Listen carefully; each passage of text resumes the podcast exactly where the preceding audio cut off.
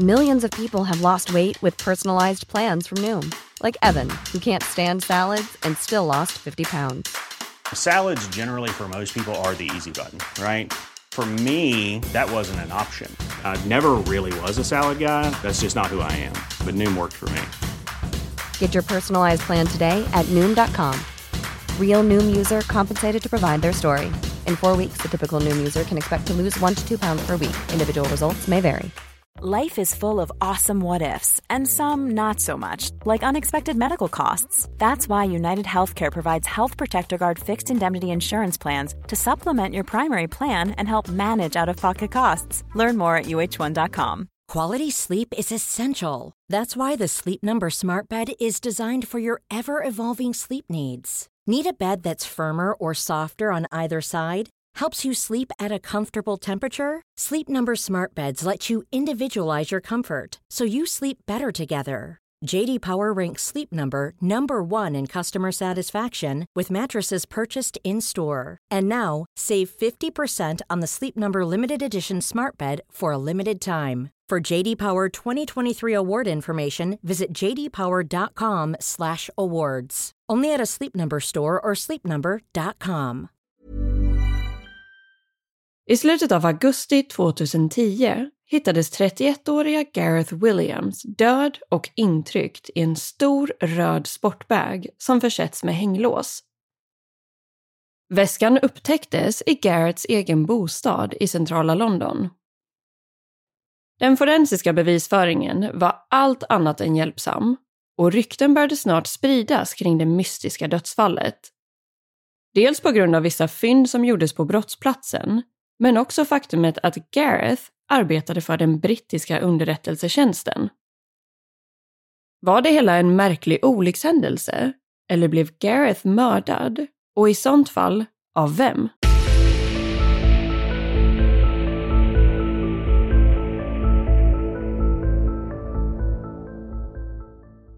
Hej på er och varmt välkomna ska ni vara till ännu ett avsnitt av Rysapodden. Och den här veckan ska vi faktiskt ge oss in på ett fall som bland annat har blivit kallat för det största olösta mysteriet i modern brittisk historia. Ett fall som i Storbritannien ofta benämns som “the spy in the bag” och alltså handlar om det ouppklarade dödsfallet av den 31-åriga kodknäckaren, hackaren och matematikern Gareth Williams.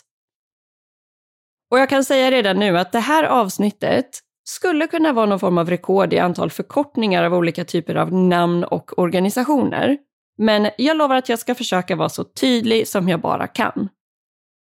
Men det finns eh, väldigt mycket information att gå igenom den här veckan, så nu tar vi helt enkelt och kör igång.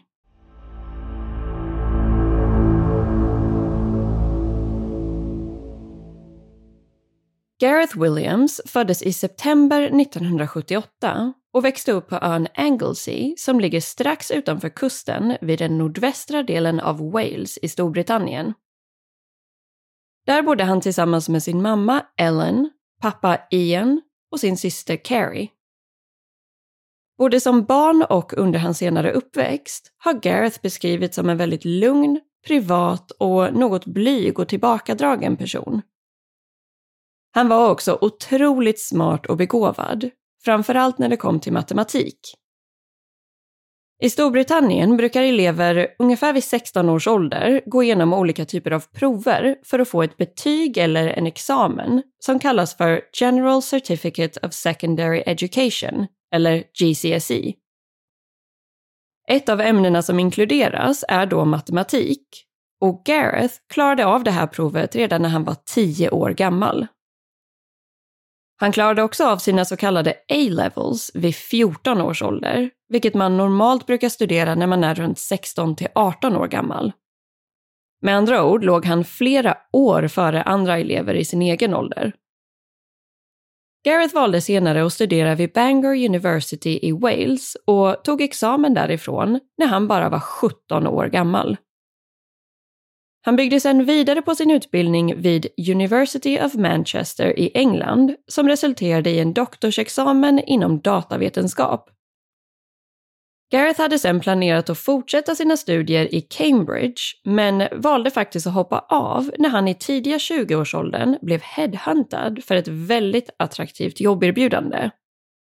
Det här erbjudandet kom från den brittiska underrättelsetjänsten Government Communications Headquarters, som förkortat och bland allmänheten ofta brukar kallas för GCHQ,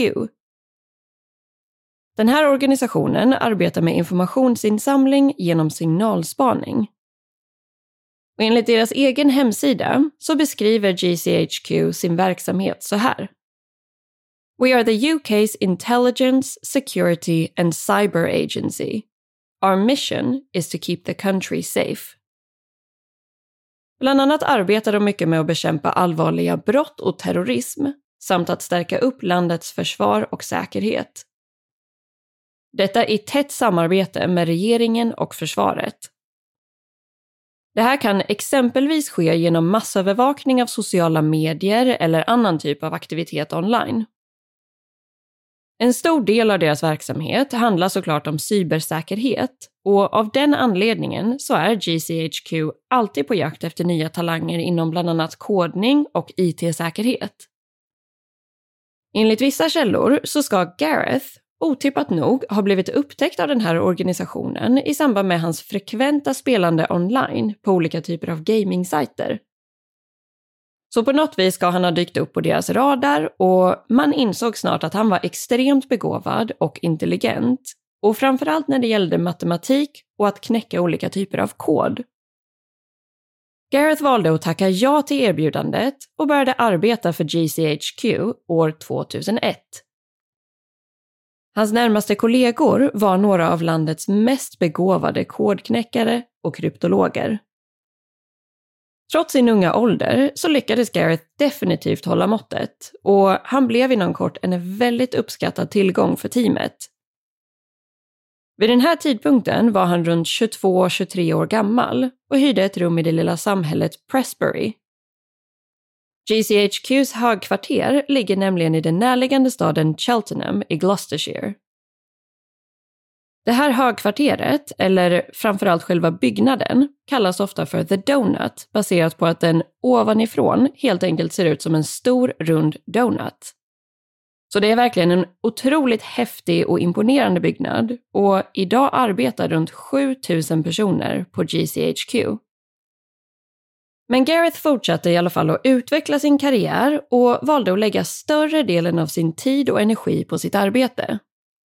Han var inte direkt känd för att gå ut och festa eller umgås med vänner, utan han höll sig gärna lite för sig själv. Han älskade däremot att cykla och var medlem i lokala cykelklubbar och ställde ofta upp i olika typer av tävlingar. Många av de personer som han träffade genom intresset för cykling har beskrivit Gareth som något tystlåten, men framförallt en väldigt trevlig och vänlig ung man. Han var dock fortfarande en ganska privat person och delade inte med sig särskilt mycket av varken sitt privatliv eller sitt jobb. En av anledningarna till detta var ju såklart att han inte fick göra det, med tanke på att han faktiskt arbetade för GCHQ, där i princip allt är hemligstämplat för allmänheten. När Gareth sen var 30 år gammal, det vill säga år 2009, så blev han tillfälligt förflyttad från GCHQ i Cheltenham till avdelningen SIS som har sina högkvarter i London. SIS står alltså för Secret Intelligence Service och är mer kända som MI6. Deras uppdrag och mission liknar GCHQs, men MI6 fokuserar främst på att i hemlighet samla in information och signaler från utlandet. Och ett citat från deras hemsida lyder så här. We are creative and determined using cutting edge technology and espionage. Med andra ord så ägnar sig MI6 åt supertopphemliga saker som övervakning, avlyssning och spionage. Detta på ett sätt som anses vara lagligt och i syfte att skydda Storbritannien från olika typer av hot från andra länder. I samband med den här omplaceringen så flyttade Gareth alltså till London, vilket såklart var en stor omställning från att ha bott i ett betydligt lugnare område i nästan ett decennium. Väl på plats flyttade han in i en lägenhet som enligt flera källor hyrdes av MI6 och som låg i ett lite finare bostadsområde som heter Pimlico och tillhör stadsdelen Westminster i London. Gareth ska däremot ganska direkt ha insett att det här nya jobbet inte riktigt var som han hade väntat sig. Bland annat stötte han på betydligt mer byråkrati än vad han själv var van vid och kände sig bekväm med. Gareth ska också ha sagt till sin familj att han inte gillade själva arbetskulturen och mentaliteten på MI6 eller London i stort.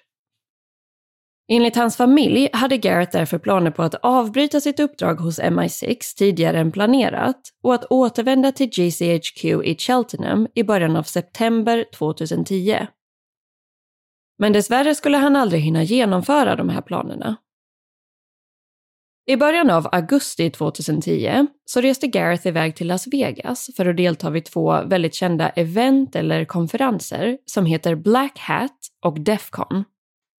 Event som lockar allt från hackare till IT och säkerhetsexperter, spioner, journalister, studenter och personal från olika underrättelsetjänster.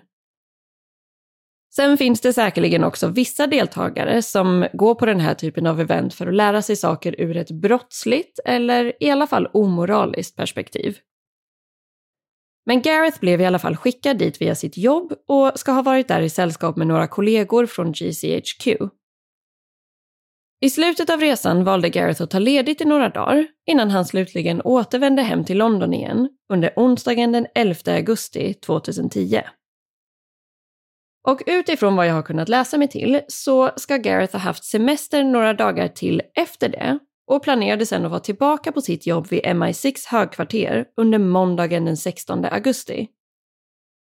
Man vet i alla fall att han befann sig i London under sina sista lediga dagar eftersom att Gareth fångades på bild av flera CCTV eller övervakningskameror. Det finns också uppgifter om att han ska ha pratat i telefon med sin syster Carrie efter det att han kom tillbaka från USA. På bilderna från CCTV så kan man bland annat se Gareth när han strosar runt i området Knightsbridge och besöker det berömda och lyxiga varuhuset Harrods. Och just de här bilderna skulle visa sig vara de allra sista dokumenterade ögonblicken av hans liv. Måndagen den 16 augusti hade det sedan blivit dags för Gareth att återvända till arbetet vid MI6 högkvarter i London. Hans kollegor blev därför lite förvånade när han inte dök upp trots att han hade ett inbokat möte under dagen. Gareth dök sedan inte upp dagen efter heller, eller dagen efter det. Varken hans chef eller kollegor valde däremot att försöka kontakta Gareth själv eller hans familj för att informera om frånvaron. Det ska dock sägas att MI6 troligtvis inte är som vilken arbetsplats som helst och med största sannolikhet har nog de anställda en helt annan typ av frihet under ansvar än många andra. Men i slutändan så var det faktiskt Garretts familj som kontaktade MI6 och förklarade att de inte hade hört något från honom på mer än en vecka. Något som inte alls stämde överens med hans normala beteende. Det här var måndagen den 23 augusti, det vill säga en vecka efter att han skulle ha varit tillbaka på jobbet efter semestern. Trots att de inte hade gjort något åt saken så hade ju hans kollegor också börjat misstänka att någonting inte stod rätt till och sent under eftermiddagen den 23 augusti begav sig en uniformerad polis hem till Garretts lägenhet i Pimlico för att kolla till honom. Polismannen John Gallagher lyckades få tag i en extra nyckel till lägenheten via hyresvärden och när han klev in genom dörren möttes han av en våg av extremt instängd och varm luft. Det visade sig nämligen att värmen hade stått på i lägenheten trots att det var augusti månad och fortfarande relativt varmt ute. Överlag var det väldigt städat och prydligt runt om i lägenheten. John noterade däremot två iPhones, ett gäng simkort och en laptop som låg framme. Något annat som stack ut lite var att det hängde en orange långhårig peruk över en stolskant i vardagsrummet och att det låg ett täcke på golvet i sovrummet. John begav sig sedan in i badrummet som låg i anslutning till det ena sovrummet. Där noterade han en stor röd väska eller sportbag av märket North Face Väskan stod inuti badkaret och utanpå satt ett hänglås som gjorde att det inte gick att öppna den utan rätt typ av redskap. För de två så kallade löparna på väskans blixtlås hade låsts ihop med varandra. Så som man själv kanske brukar göra när man checkar in bagage på flygplatsen. När John försökte lyfta på väskan var den otroligt tung och han noterade även en okänd vätska som sipprade ut. John valde då att kalla på förstärkning.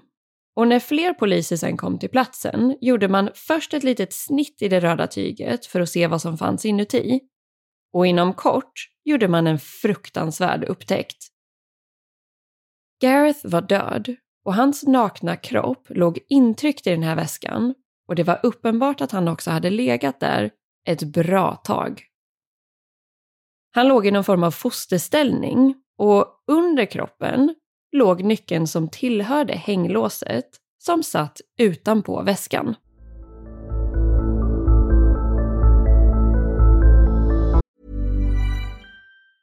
This Mother's Day, celebrate the extraordinary women in your life with a heartfelt gift from Blue Nile. Whether it's for your mom, a mother figure, or yourself as a mom, find that perfect piece to express your love and appreciation. Explore Blue Nile's exquisite pearls and mesmerizing gemstones that she's sure to love. Enjoy fast shipping options like guaranteed free shipping and returns. Make this Mother's Day unforgettable with a piece from Blue Nile. Right now, get up to 50% off at BlueNile.com. That's BlueNile.com. I'm Sandra, and I'm just the professional your small business was looking for. But you didn't hire me because you didn't use LinkedIn jobs. LinkedIn has professionals you can't find anywhere else, including those who aren't actively looking for a new job but might be open to the perfect role, like me.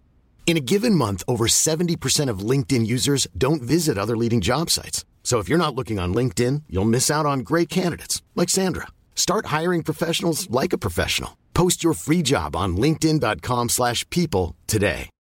Millions of people have lost weight with personalized plans from Noom, like Evan, who can't stand salads and still lost 50 pounds. Salads generally for most people are the easy button, right? For me, that wasn't an option. I never really was a salad guy. That's just not who I am. But Noom worked for me. Get your personalized plan today at Noom.com. Real Noom user compensated to provide their story. In four weeks, the typical Noom user can expect to lose one to two pounds per week. Individual results may vary.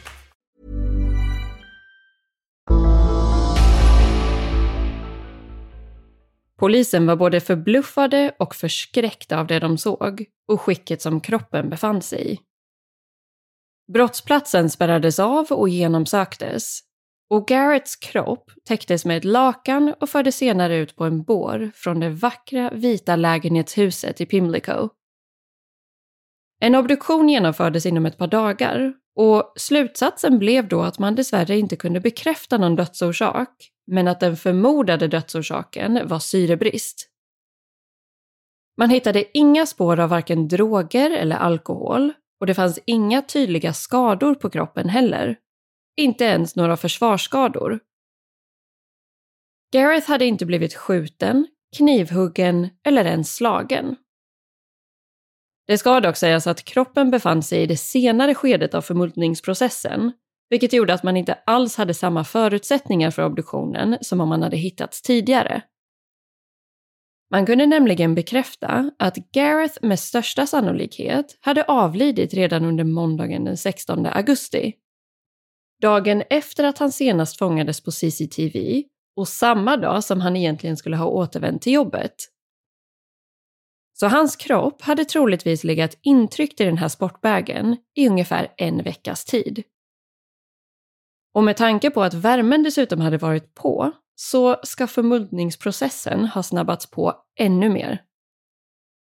Faktumet att kroppen hade varit instängd i väskan och stått i badkaret ska också ha gjort att lukten hade minimerats i och med att eventuella läckande vätskor hade åkt raka vägen ner i avloppet. Bara några timmar efter att man upptäckte Gareth så möttes de högst uppsatta cheferna för MI6 och polisen i London, också kända som The Metropolitan Police, vars högkvarter kallas för Scotland Yard. Syftet med mötet var att diskutera hur den här utredningen skulle gå till i och med att Gareth arbetade med hemlig information som om den läckte ut, skulle kunna utgöra en risk för landets säkerhet. Och av just den anledningen så vet varken hans egen familj eller allmänheten särskilt mycket alls kring hans arbete för MI6 och exakt vad Gareth gjorde om dagarna. Utan bara att det troligtvis handlade om någon form av hackning eller kodknäckande. Känsligheten kring Garretts yrke skapade också en del hinder för polisen under utredningens gång och det var väldigt mycket information som de inte fick tillgång till av säkerhetsskäl. Det här var med andra ord en oerhört komplex utredning där flera olika instanser och avdelningar var inblandade. Enligt uppgift ska till och med FBI ha varit delaktiga på ett hörn. Det är därför ganska oklart för allmänheten vilka som var ansvariga för vad och hur hela den här processen gick till. Men den stora frågan i utredningen gällde om Gareth på något vis hade låst in sig själv i väskan eller om någon annan hade gjort det åt honom och om detta i så fall hade gjorts med eller utan hans samtycke. Det fanns dock inte mycket som pekade på att han skulle ha låst in sig själv. Dels på grund av det uppenbara faktumet att väskan var låst utifrån och att den tillhörande nyckeln, eller i alla fall en av kopiorna, låg under hans kropp inuti väskan. Enligt flera källor ska ytterdörren till bostaden också ha varit låst utifrån. Varken Gareth eller någon annans DNA, fot eller fingeravtryck fanns heller på själva badkaret eller på kanterna eller väggarna runt omkring badkaret. Hans DNA fanns inte heller på hänglåset. Gareth var ganska kort och nätt i sin kroppsbyggnad, men att ta sig in i den här väskan skulle fortfarande inte ha varit en enkel uppgift och i princip omöjligt att klara av utan att ens luta sig mot väggen eller badkarskanten. Vid ett tillfälle så testade till och med en expert inom trånga utrymmen att låsa in sig själv i exakt samma väska och på samma sätt som Gareth. Han försökte då mer än 300 gånger utan att lyckas vid ett enda tillfälle. Men det märkliga var ju att det inte heller fanns några uppenbara tecken på att någon skulle ha brutit sig in i bostaden, att en kamp skulle ha ägt rum eller att Gareth faktiskt skulle ha blivit skadad eller intvingad i sportbägen av någon annan. Därför uteslöts inte teorin om att han skulle ha kunnat göra det här mot sig själv och inom kort började rykten florera om att dödsfallet skulle ha varit kopplat till någon form av misslyckad sexakt. Man hittade ju nämligen en peruk inne i hans lägenhet och utöver det så ska det ha funnits flera andra kvinnliga föremål runt om i bostaden, bland annat sminkprodukter. Inne i gästrummet hittades också väskor och kartonger fyllda med exklusiva damkläder och skor till ett värde av ungefär 250 000 kronor. Det här blev sedan en riktig följetong i media och det spekulerades vilt om att Garrett skulle ha varit transvestit, homosexuell och att han ägnade sig åt olika typer av sexuella fetischer. Bland annat uppstod teorier om att han skulle ha låst in sig själv eller låtit någon annan låsa in honom i väskan, men att det hela hade gått snett och resulterade i att han kvävdes till döds.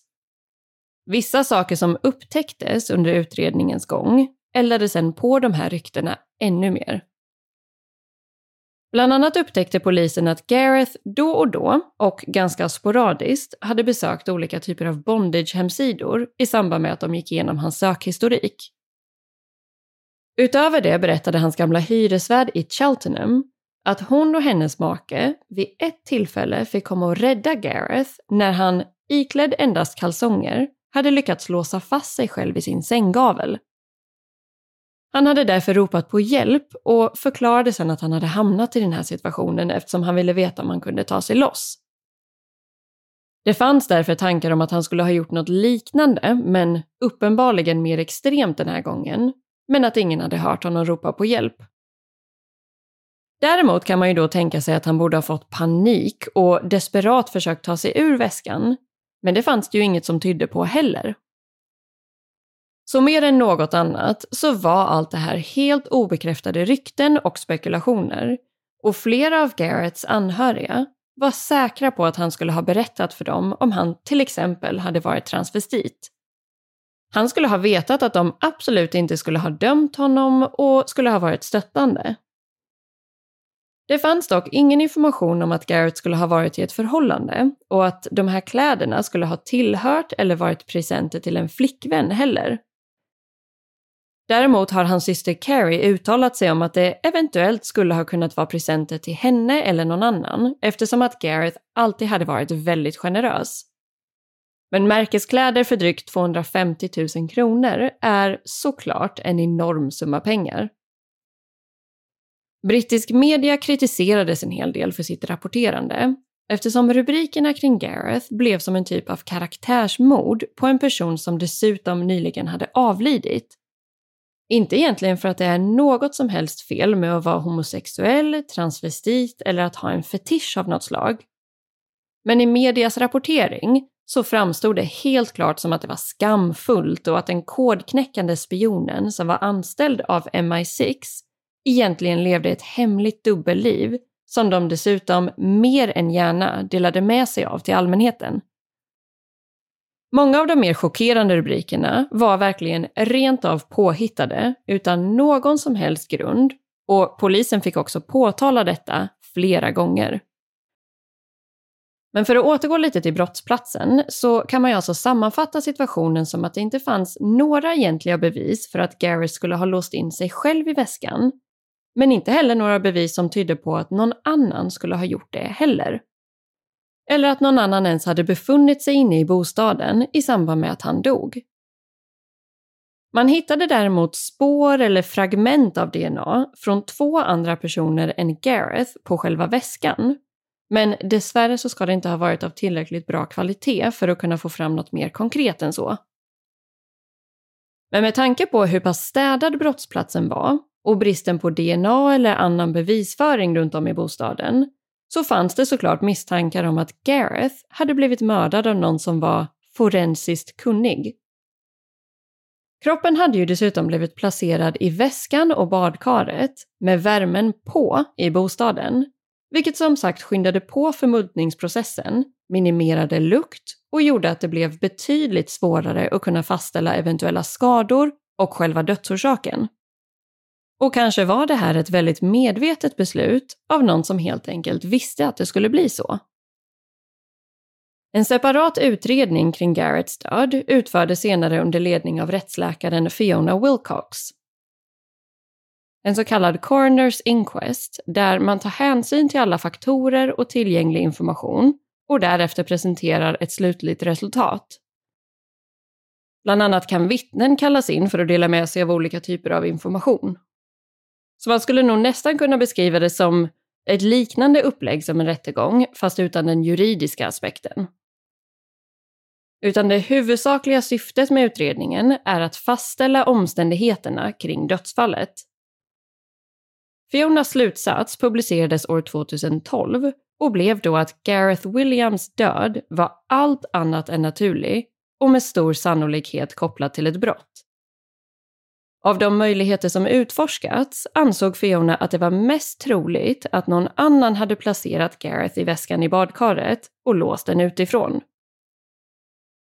Utöver det var hennes slutsats att Gareth troligtvis hade varit vid liv när han placerades i väskan, men att han dog kort därefter av syrebrist eller ett snabbverkande gift i sin rapport riktade Fiona också en hel del kritik mot MI6 för att det tog en hel vecka för dem att agera efter det att Gareth inte hade dykt upp på jobbet.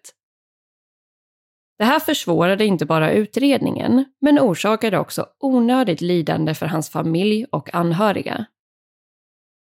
Hon avfärdade samtliga spekulationer, rykten och teorier om att Gareths död skulle ha varit kopplad till någon form av sexuell fetisch eller aktivitet.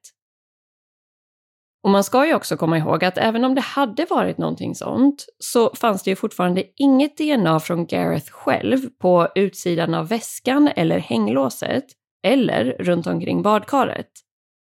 Eller någon som helst rimlig förklaring till hur han rent praktiskt ens skulle ha lyckats låsa in sig själv.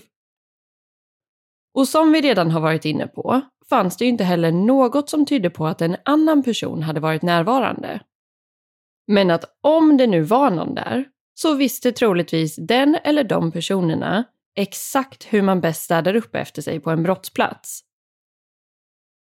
Det här leder oss in till den kanske mest vanligt förekommande teorin i det här fallet. Och denna handlar om att Gareth skulle ha blivit professionellt mördad. Exempelvis av sin egen arbetsgivare MI6 eller av underrättelsetjänster eller maffia från länder som USA eller Ryssland.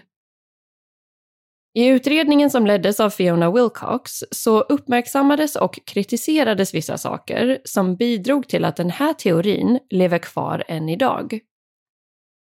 Bland annat kring hur själva kommunikationen mellan polisen och MI6 gick till och dokumenterades samt att en av polisens avdelningar hade missat att lämna över material till ansvariga utredare. Det här var bland annat ett gäng USB-stickor som hittades vid Garretts arbetsplats hos MI6. Fiona uttalade sig till och med om att polisen bör överväga möjligheten att MI6 eventuellt skulle ha varit inblandade i Garretts död. Och man måste ju säga att man faktiskt kan förstå den här misstanken om man tänker på hur brottsplatsen såg ut och faktumet att MI6 lät en hel vecka passera innan de larmade om hans frånvaro. Utöver det fanns det ju mycket information som var kopplad till Garretts arbete hos MI6 men som inte gjordes tillgänglig för de utredningar som gjordes kring dödsfallet. De som lutar mer åt den här teorin tenderar att tro att Gareth kanske upptäckte någonting eller råkade komma åt information som han inte borde ha gjort och att han därför behövde elimineras. Många undrar dock vad det här ens skulle ha kunnat vara för någonting och varför man i sånt fall skulle ha valt att göra sig av med honom på ett så pass ovanligt och chockerande sätt som utan tvekan skulle dra till sig uppmärksamhet. År 2013 kom resultatet från den utredningen som genomförts av The Metropolitan Police i London. Ett resultat och en slutsats som då gick helt emot rättsläkaren Fiona Wilcox och flera andra experters åsikter om att Gareth med största sannolikhet hade blivit mördad. De ansåg nämligen att det fortfarande inte fanns någon definitiv förklaring till Gareths död och att det mest troliga scenariot var att han avled ensam inne i sin bostad till följd av att han av misstag hade råkat låsa in sig själv i den röda sportbägen i badkaret.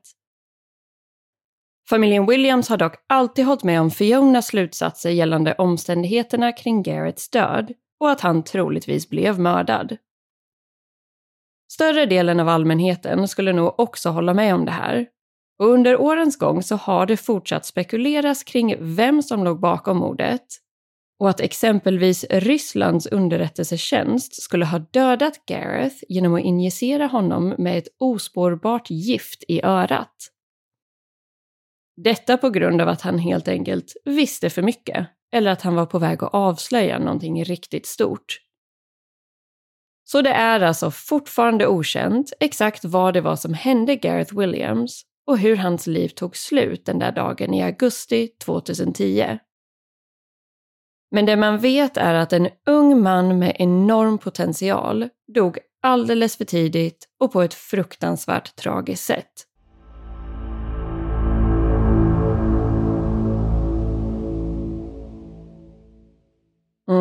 Det här är ju verkligen ett fall utan dess like. Och det har såklart blivit extremt omdiskuterat i just Storbritannien, så det finns därför mycket mer information, men framförallt också spekulationer och teorier att ta del av för den som känner sig intresserad. Men det verkar faktiskt som att den allra senaste uppdateringen i fallet ägde rum så pass sent som 2021 för då gick nämligen polisen ut med information om att man nu undersökte möjligheten att kunna utföra fler och mer avancerade analyser av bevisföring från brottsplatsen. Detta utifrån alla de framstegen som har gjorts inom DNA-tekniken och att det idag går att få fram information som inte alls var möjlig för ungefär tio år sedan. Det verkar dock inte som att någon ny eller revolutionerande information har dykt upp än i alla fall, men man kan ju verkligen hoppas att det här fallet en vacker dag faktiskt kan få bli löst. Och trots att jag nu återigen har lämnat er med en känsla av frustration så hoppas jag att ni har uppskattat avsnittet och att i alla fall har fått en liten inblick kring det här fallet och varför det än idag framkallar så pass starka känslor och åsikter. Men tills vi hörs igen nästa måndag så säger jag helt enkelt tusen tack för att just du har valt att lyssna på det här avsnittet av Rysapodden.